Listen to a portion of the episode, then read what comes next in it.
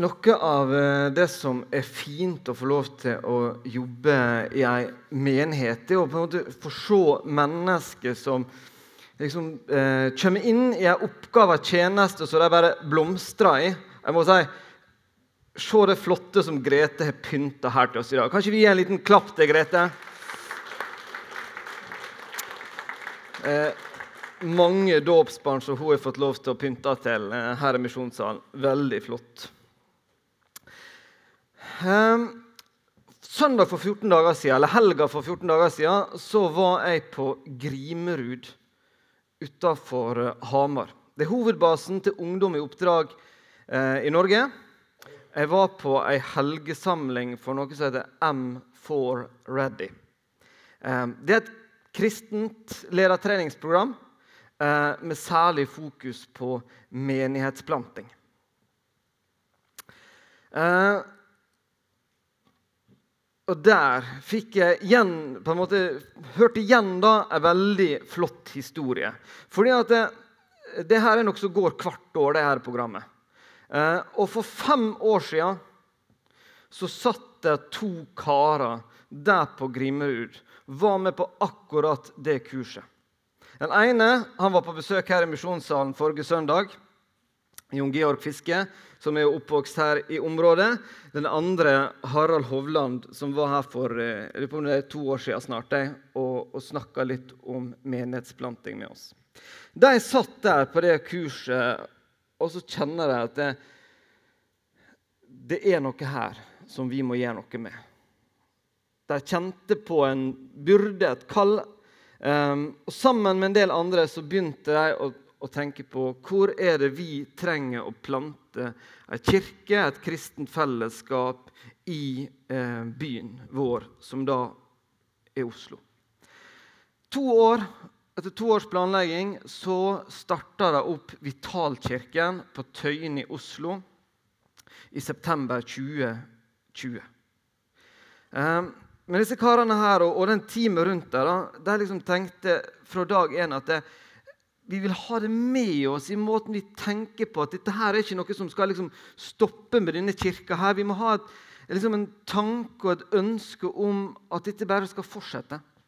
Så de begynte å tenke ledertrening med en gang. De begynte å jobbe med hvordan skal vi få være med å plante neste menighet.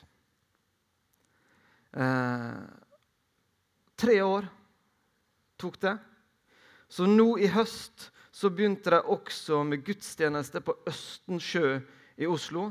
Så nå er Vitalkirken to lokasjoner i Oslo. Og nå på Grimerud for 14 dager siden så var det et tredje team som har begynt å jobbe, som har et ønske og en tanke om å starte opp i Oslo øst, nei, Oslo vest, kanskje i området rundt Majorstua om et år eller noe sånt. Håper de å være i gang der. Jeg syns dette er en utrolig flott historie. Eh, altså, Fra Misjonssambandets start og fram til 2014 så hadde Misjonssambandet ei menighet i Oslo. Nå har de fem. Så i ei tid der at eh, det blir sagt at kristendommen mister tak i landet vårt, så må vi si det er gode muligheter til å plante nye fellesskap. Det er gode muligheter til å starte opp nye menigheter og kirker. Fellesskap der mennesker kan få et møte med Gud som forandrer dem fullstendig. For mennesket trenger Jesus like mye nå som nok en gang tidligere. Og I dag har jeg lyst til å, å se på noen bibelvers og si litt om oppdraget vårt som kirke og som Jesu etterfølger. Eh, vi fikk jo høre Marit lese til oss tidligere her i dag, Matteus 28, 18-20. Eh, vi kan egentlig si at det, det, er jo sånn som vi eh, ser det på skjermen, så vi hørte det lest, vi vant til å høre det. Men det går an å formulere dette litt annerledes hvis vi ser på hvordan det egentlig var skrevet på grunnteksten. Jeg nevnte det så vidt for de som var her siste søndag kveld. Eh, fordi at det, Når det står sånn at det går derfor ut, så er det av og til jeg tenker at det, eh, vi kan lett for å, å, å tenke liksom at dette er noe som, dette sender vi misjonærer til å gjøre. Det er noe som skal skje lengre vekke. Um, og vi også kan eller tenke at det er en sånn det, det å gå ut sånn, det må være et det, type evangeliseringsoppdrag eller noe som er liksom, veldig sånn tidsbestemt. Men, men, det som står her, er at mens vi går Mens vi som en etterfølger av Jesus på den vandringen det er, så skal det være naturlig for oss å være med og gjøre disipler, døpe dem og lære dem opp i alt det Jesus har sagt til dem. Det skal være noe av det kristne liv. Som en Jesu etterfølger så skal vi være med og gjøre det her jevnt og trutt. I Timoteus 2, 2 Timoteus 2,2 så står det på en litt annen måte Det du har hørt av meg i mange vitners nærvær, skal du gi videre til pålitelige mennesker som er i stand til å undervise andre. Det er, sånn, det er noe som bare skal fortsette. Som er et menneske, det vi er tatt imot Jesus, det vi ser i Bibelen, hører i forkynnelsen, det vi har opplevd, skal vi få lov til å være med og gi videre til andre mennesker. Som igjen kan være med og undervise og lære videre. Det er noe som skal bare fortsette og fortsette å gå når et menneske er tatt imot Jesus. Så kirkas oppdrag er veldig tydelig. De gode nyhetene de må fortelles videre helt til de har nådd alle mennesker på denne jorda. Så kan du si ja, men I befalinga som, som sto der fra Matteus, eh, så står det ingenting om, om at det, vi skal plante kirke. Det handler om disipler, står det. Det er sant. Men hvis vi leser apostelgjerningene og brevlitteraturen i Nytestamentet, så skjønner vi at en veldig vanlig måte å gjøre dette på var nettopp det å plante nye kirker, nye fellesskap. Og Slik jeg forstår det vi leser der, så må dette handle om fordi at vi er forskjellige mennesker, fordi at det er noen som er veldig flink til å pynte her. Det er noen som er flink til å gå og fortelle andre mennesker, gå gå på kafé og snakke om Jesus, det er noen som er flinke å synge osv., så, fungerer dette på en god måte når fellesskapet, en menighet, en kirke, kan være med å bringe dette videre. Da kan forskjellige mennesker få lov til å tjene med sine gaver i dette her oppdraget.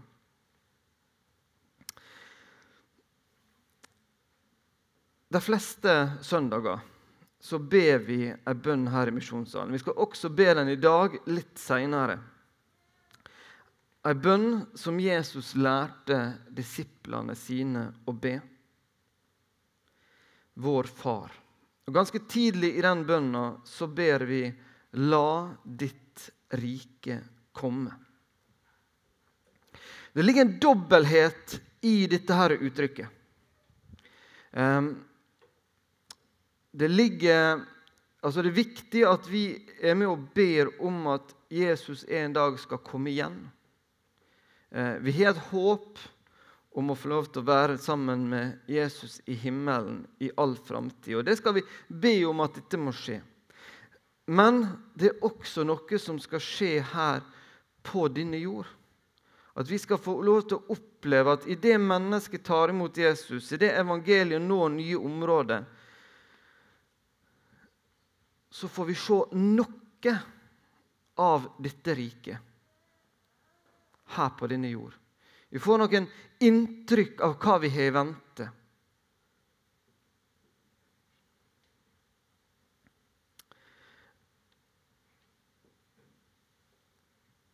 Det står flere plasser i Det nye testamentet at det er noe som skjer der nye mennesker begynner å tro på Jesus.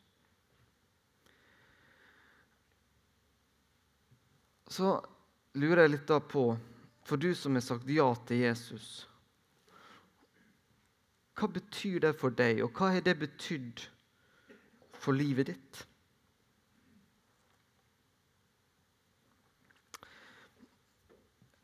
Jeg satt og tenkte litt på det her på vei til Grimerud da, for et par uker siden. Um, og så satt jeg og noterte litt opp. Hva, hva, hva er det betydd for meg? Hva betyr det i mitt liv at jeg er en Jesu disippel? Det første jeg kommer på, det er at jeg er tilgitt. Ehm, jeg har fått lov til å oppleve at Gud kan tilgi meg av det Jesus har gjort. Han har tatt min synd, han har tatt min skam. Og jeg kjenner på en frihet, en stor frihet i møte med evangeliet som Bibelen forteller meg. Jeg har fått lov til å tatt imot denne friheten. Jeg har vært kristen hele livet. Så en sånn lengt etter å, å få, et, få en relasjon til Gud, den har ikke jeg kjent så sterk som vi hører andre mennesker kan, kan, snakke om den, som har møtt Jesus kanskje i ungdommen eller i voksen alder. Men det er nok også noe som mange kan, kan snakke om. Og så merker jeg at det betyr mye for min verdi. Det å få lov til å lese Bibelens ord om at jeg er skapt av Gud, jeg er ønska av Gud, jeg har fått egenskaper eh, ressurser som er lagt ned i meg for et, for et formål. Eh, fordi at jeg, jeg tenker, tenker, på at det skjer jo at folk sier noe fint til meg, at jeg får et kompliment for et eller annet. Men jeg tenker på at det er stort sett kompliment for noe jeg har gjort. At folk sier at det, 'det gjorde du bra', eller 'nå var du flink', eller et eller annet sånt. Men hva med de dagene der jeg kanskje ikke orker å gjøre noe fint og kjekt? Dager der ingen ser meg? Da er det fantastisk godt å vite at i Bibelen så står det at det er en skaper som har skapt meg. Og gjennom det Jesus har gjort for meg, så kan jeg se hvor han elsker meg, hvor glad han er med, og se min verdi gjennom det han har gjort. Og så ser jeg at det gir livet mitt mening. Tenk å få lov til å være med på et oppdrag som har betydning langt utover den tida jeg er her på jord. Det å få lov til å være med og fortelle mennesker de gode nyhetene på en eller annen måte. Det gir en helt ny mening med livet. Og så gir det meg et stort håp. Og, og det merker jeg at det håpet er noe som blir bare større og større og viktigere og viktigere egentlig for hver dag jeg, jeg lever. Jeg gleder meg mer og mer til at Jesus skal komme igjen. Jeg kan stadig kjenne på at jeg er lei av å være i en verden med så mye vondt som skjer. Og så, Samtidig så kjenner jeg at jeg har en plass å gå med det som er vanskelig og vondt i livet mitt. Jeg har en plass der jeg kan be, få lov til å merke at Jesus er til stede i livet mitt. Og så merker jeg tydelig at det å være kristen er å få lov til å være en del av et fellesskap. Det gir meg tilhørighet. Det gir meg medmenneske å leve det kristne livet sammen med. Det var for noen av de tinga som jeg kom på der jeg satt eh, på den turen. Og dette her til sammen gir jo mitt liv helt nytt perspektiv. Uten denne tilgivelsen, uten det å få kjenne på denne verdien, meninga, håpet, fellesskapet, så hadde mitt liv vært helt annerledes. Og Jesus sier jo i Bibelen at han er livet. At det å få lov til å være en Jesu disippel, det er da jeg virkelig har funnet livet. Det gode livet. Og så begynner jeg da å ane noe av hva jeg venter den dagen jeg skal komme til himmelen.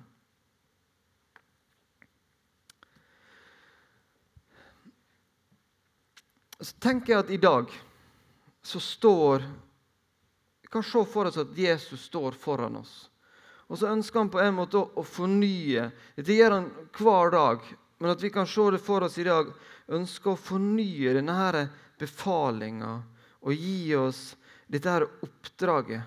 Han sier at det til oss Ønsker dere å være mine søstre og brødre i den verden der dere er nå? Vil dere være med og gjøre disipler som gjør disipler?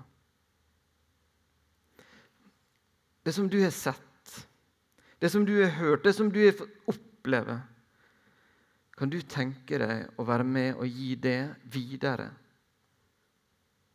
til mennesker som kan få lov til å ta det imot, og igjen gi det videre? Med bakgrunn i eh, bl.a. Jeremia 29 så har ganske nylig avdøde pastoren Timothy Keller gitt oss fire l-er til å huske på i dette oppdraget.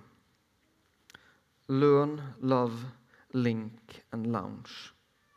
Lær, elsk, knytt sammen og del. Og Det er fint å stille oss det spørsmålet Kjenner jeg denne plassen jeg bor? Kjenner jeg folket som er satt inn blant til å være en del av? Kjenner du gledene og smertene til folk i Spjelkavika, på Blindheim, Skåthaugen, Åse, Hatlandet, Flisnes, Emblem, Norvasundet sentrum, Giskesula, Tennfjorden osv. Kjenner vi hva er det som rører seg blant disse folket? Veit vi hva de lengter etter, de vi bor i nærheten av?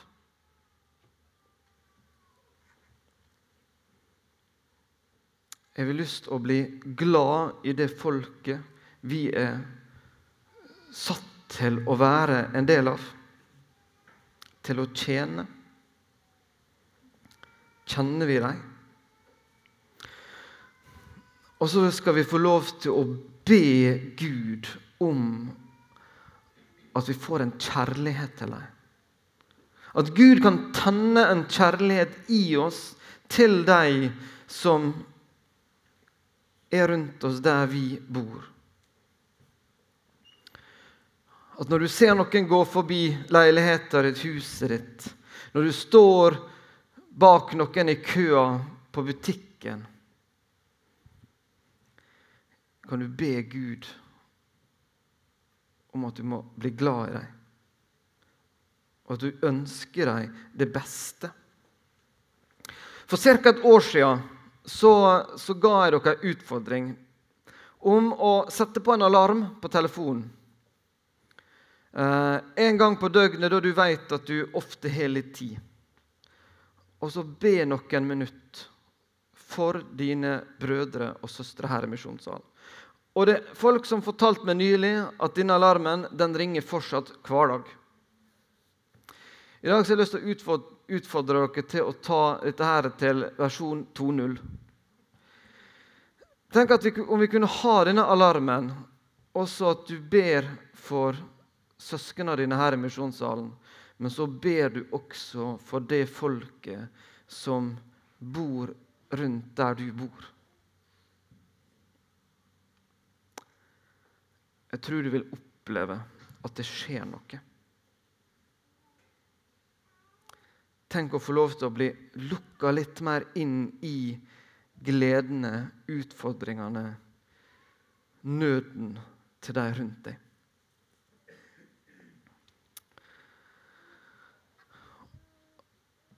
Og så skal vi få lov til å være med og knytte mennesker sammen. Vet du hva som er det fineste du kan gi vennene dine? Det er faktisk vennene dine. Kanskje har du en, en venn, kamerat, som du eh, føler at du er OK kjemi med. Og så er du en annen venn som du også har en OK kjemi med. Tenk om du kunne på et tidspunkt få disse her til å møtes, og så viser det seg at de, bare, de blir bare bestevenner. Kanskje du eh, i en gave opplever at du kan fortelle om Jesus på en eller annen måte med ditt liv. Men at du har en venn som trenger å møte et menneske som har en annen gave. For han trenger å få høre om Jesus på en litt annen måte. Skal vi få lov til å være med og linke mennesker sammen, sånn at de kan få lov til å treffe flere mennesker, og på den måten kan evangeliet nå nye mennesker?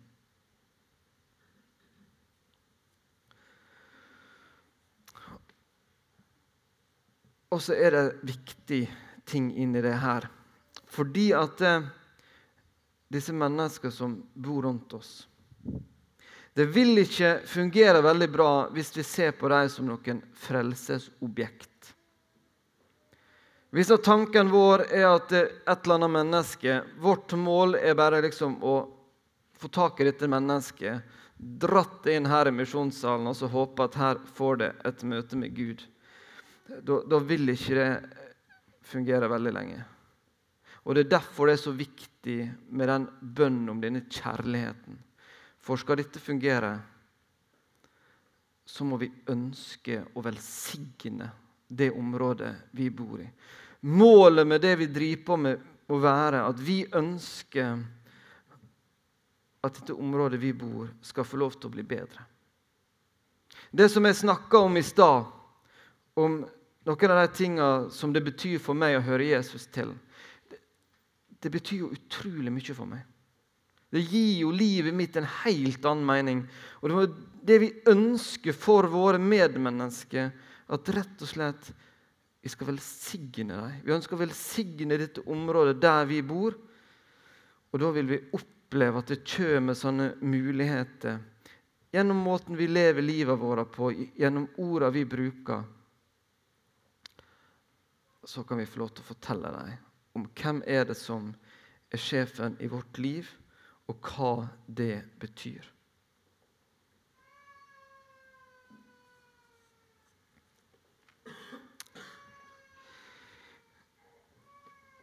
I Gamle testamentet så er det ei bok som heter Nehemja. Jeg husker faktisk fortsatt um, Mamma hadde om Nehemja på søndagsskolen i Solvågen.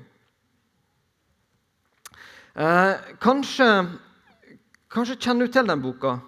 Kanskje skal det være en bok som du, eh, som du kan ta og, og lese noe framover. 16 sider er det i min bibel, og er ikke en veldig tjukk bok. Og så kan hende da, Tenk deg da at du kommer til himmelen, og så kommer Nehemja gående, og så dunker han til deg og så sier han, 'Hva syns du om boka mi?' da? Hva syns du om historien min? Da er det litt kjipt å si at 'ut, det aner ikke'. Så benytt gjerne muligheten til også å lese litt Nehemia. Men altså, Han var en munnskjenk til perserkongen. Dette var mens israelsfolket var i fangenskap. Først i Babylon, så i Persia. Um, men han var israelitt, jøde. Uh, han hadde sans for Jerusalem, byen, den hellige byen. Og Så kommer det noen folk fra Judea, fra Jerusalem, til Jerusalem Susa der han var. Eh, og så spør han hvordan står det til med Jerusalem og folket, de som er klart å komme tilbake til Jerusalem. Eh, og så eh, forteller de at det står ganske dårlig til. Muren er fortsatt nede. De har ikke klart å bygge den opp igjen. De lever i veldig usikkerhet. Når Nehemia hører dette, her, så går det sterkt inn på han. Han griner og han ber. Og Det ender med at han får spørre kongen om han kan få lov til å ta med seg noen menn tilbake til Jerusalem og bygge opp igjen muren. Og det får han lov til. Men disse som kom fra Judea og fra Jerusalem, de hadde helt sikkert fortalt denne historien om hvordan det sto til Jerusalem, til mange mennesker. Det kan godt hende at mange andre også ble lei seg. Det gjorde inntrykk å høre. Men det skapte ikke handling. Men fordi at Gud hadde jobba med Nehemja. Gud hadde forberedt Nehemja på at det skulle komme noen. Nehemja han kjente på en byrde for folket sitt. Og når han hørte orda fra disse som kom, så måtte han sta og handle. Nehemia fikk være et viktig redskap for Gud.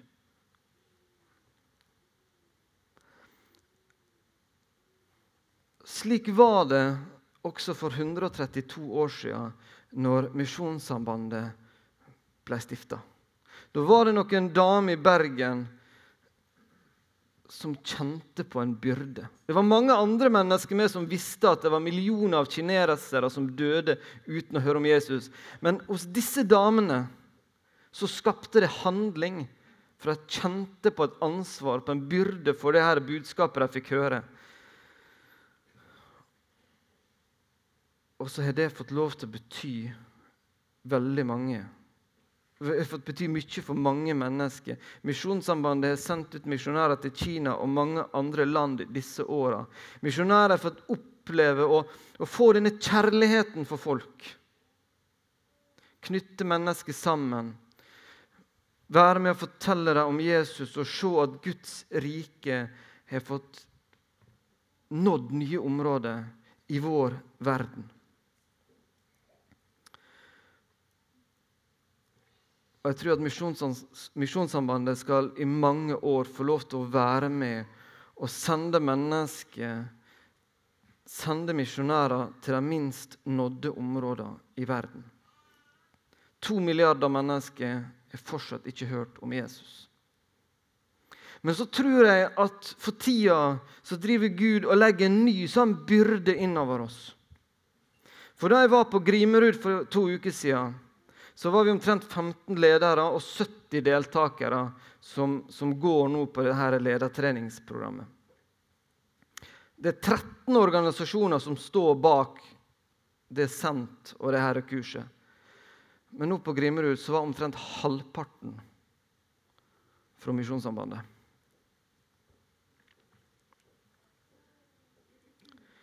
Um,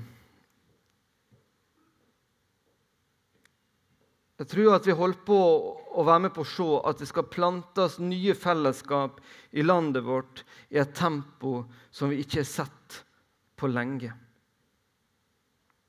Fire stykker fra misjonssalen som er med på det her. De har ikke skrevet under på at de har tenkt å plante en ny kirke. og Vi skal ikke legge noe større ansvar på dem enn noen andre. Men jeg tror at vi som menighet skal få lov til å være med i åra som kommer, og kjøre flere kull gjennom M4 ready. Og så når Gud vil, når hans timing er klar, så kommer han til å legge en spesiell byrde på noen. At nå er tida inne for å starte de nye fellesskapene ut ifra misjonssalen.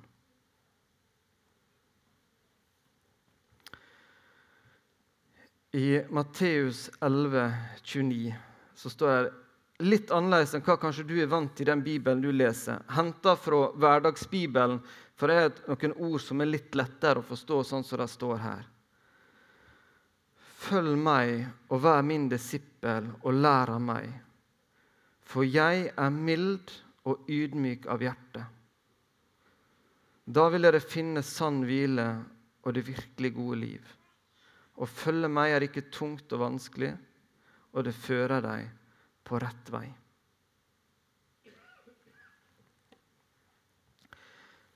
Og jeg er spent på å se hva byrde og hva lengsler er det Gud har lyst til å legge på denne menigheten her? Hva er det vi skal få lov til å oppleve og se i tida som kommer? Kanskje skal du ta deg tid til noen ganger sitte for deg sjøl og så spørre Er det noe Gud legger på meg akkurat nå?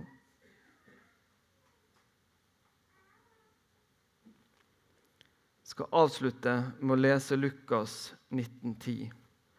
For menneskesønnen er kommet for å lete etter de bortkomne og berge dem. Amen.